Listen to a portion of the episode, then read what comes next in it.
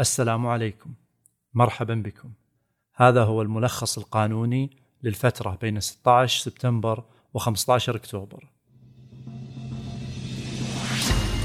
ملخصا إخباريا لآخر المستجدات القانونية ومداخلات أمر ملكي ملكي خبرنا الأول وهو من أبرز ما استجد في الفترة الماضية الأمر الملكي بإلغاء ضريبة القيمة المضافة بنسبة 15% على العقار واستحداث ضريبة جديدة بمسمى ضريبة التصرفات العقارية. بدأ تطبيقها في الرابع من أكتوبر الحالي كما نص الأمر الملكي الكريم. كما شمل الأمر الملكي زيادة الإعفاء الضريبي للمسكن الأول للمواطنين حيث تتحمل الدولة الآن ضريبة التصرفات العقارية فيما لا يتجاوز مبلغ مليون ريال بدلا من الحد الأعلى السابق الذي كان 850 ألف ريال فقط. الجدير بالذكر أن ضريبة التصرفات العقارية تشمل كل تصرف بالعقار يتعلق بنقل ملكيته مع ورود عدة استثناءات أبرزها ما يتعلق بحالات قسمة التركة. هذا وقد أصدرت الهيئة العامة للزكاة والدخل اللائحة التنفيذية للضريبة ودليل مبسط يحوي العديد من المعلومات والمفاهيم حول الضريبة وتفصيل للحالات المستثناة. مع أمثلة واقعية. طبعا البند العاشر من الأمر الملكي وجه الهيئة العامة للزكاة والدخل بإعداد مشروع نظام للضريبة في ضوء البنود خلال مدة لا تتجاوز 90 يوم. والخبر الثاني يتعلق بالتعميم الصادر من الديوان الملكي والموجه لكل وزارة ومصلحة حكومية بالتأكيد على عدة مسائل منها ضرورة التقيد بما يصدر عن المحاكم من أحكام نهائية وما يتقرر من مبادئ قضائية وتوفيق ممارساتها الإدارية مع تلك الأحكام. الأمر الآخر هو تضمين تقارير هذه الجهات الإدارية السنوية بيانا بعدد الدعاوى المرفوعة ضدها مصنفة بحسب موضوعها وبحسب الأنظمة ذات الصلة وعدد الأحكام القضائية النهائية الصادرة ضدها وعدد الأحكام القضائية النهائية الصادرة لصالحها وما تم اتخاذه من إجراءات لتوفيق ممارساتها الإدارية بما يتوافق مع تلك الأحكام والمبادئ. ويعتبر هذا التعميم نقطة محورية لتحول تعامل الأجهزة الحكومية مع الأحكام القضائية من تطبيق الأحكام إلى معالجة الخلل بإجراءات الجهات لتجنب الوقوع بذات الأخطاء التي كانت سبب لصدور أحكام ضدها. والخبر الثالث هو ما طرحه عضو مجلس الشورى الدكتور فيصل الفاضل آه، وهو توصية تقضي بالتوسع في منح رخص المحاماة لحملة شهادة الماجستير والدكتوراه في تخصص القانون الحاصلين على البكالوريوس في تخصصات أخرى إلى جانب الشريعة والقانون لأجل إثراء المجال القانوني والعدلي سيما في سياقات قانونية تتطلب خبرة ومعرفة إضافية كالمسائل الطبية وغيرها.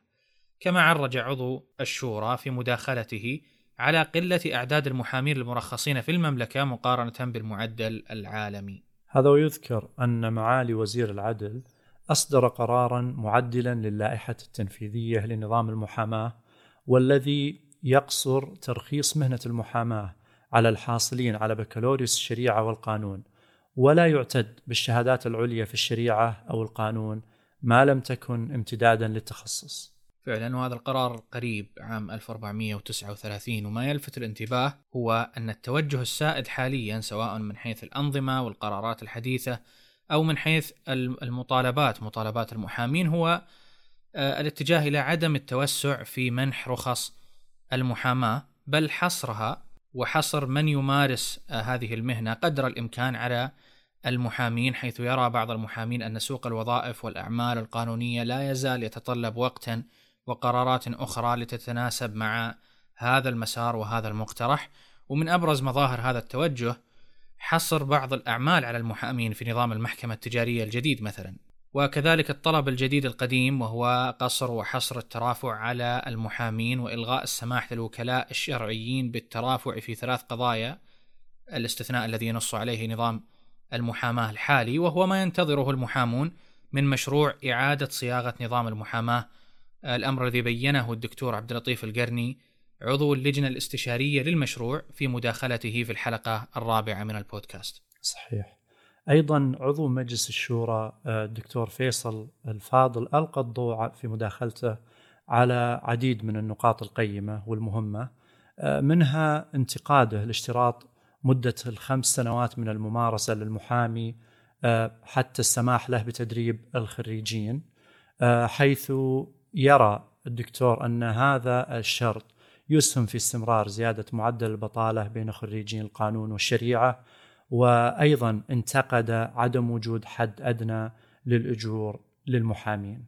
أما خبرنا الرابع فهو موافقة مجلس الوزراء على تعديل المادة الرابعة عشرة من نظام الرشوة بعد حوالي خمسة أشهر من موافقة مجلس الشورى على تعديلها لتكون بالنص الآتي: يصدر وزير الداخلية بناء على توصية لجنة تكون من وزارة الداخلية ووزارة الموارد البشرية والتنمية الاجتماعية وهيئة الرقابة ومكافحة الفساد قرارا بإعادة النظر في العقوبات التبعية بعد مضي خمس سنوات من تاريخ انتهاء تنفيذ العقوبة الأصلية ويعتمد وزير الداخلية آلية وقواعد عمل اللجنة.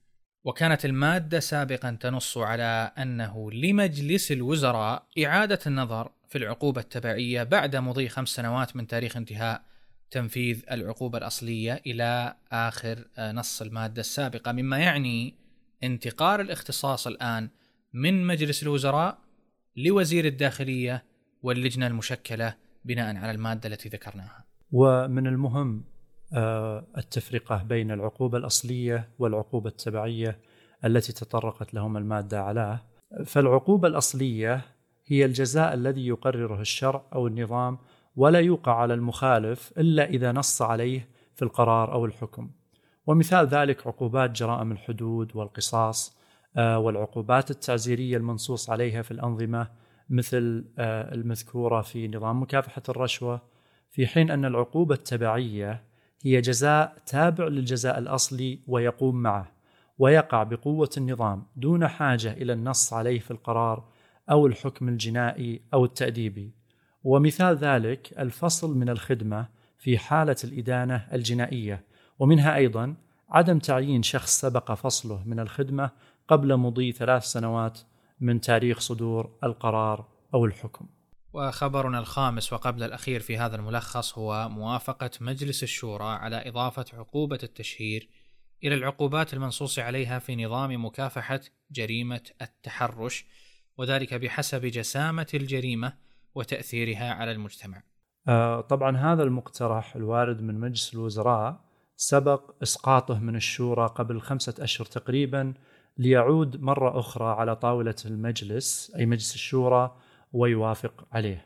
آه، ويذكر أنه بالتزامن مع هذه الموافقة دار جدل في وسائل التواصل الاجتماعي حول إضافة هذه العقوبة لجريمة التحرش وحول تقدير الضرر أو مقدار العقوبة الذي يراد إلحاقه بالمتحرش.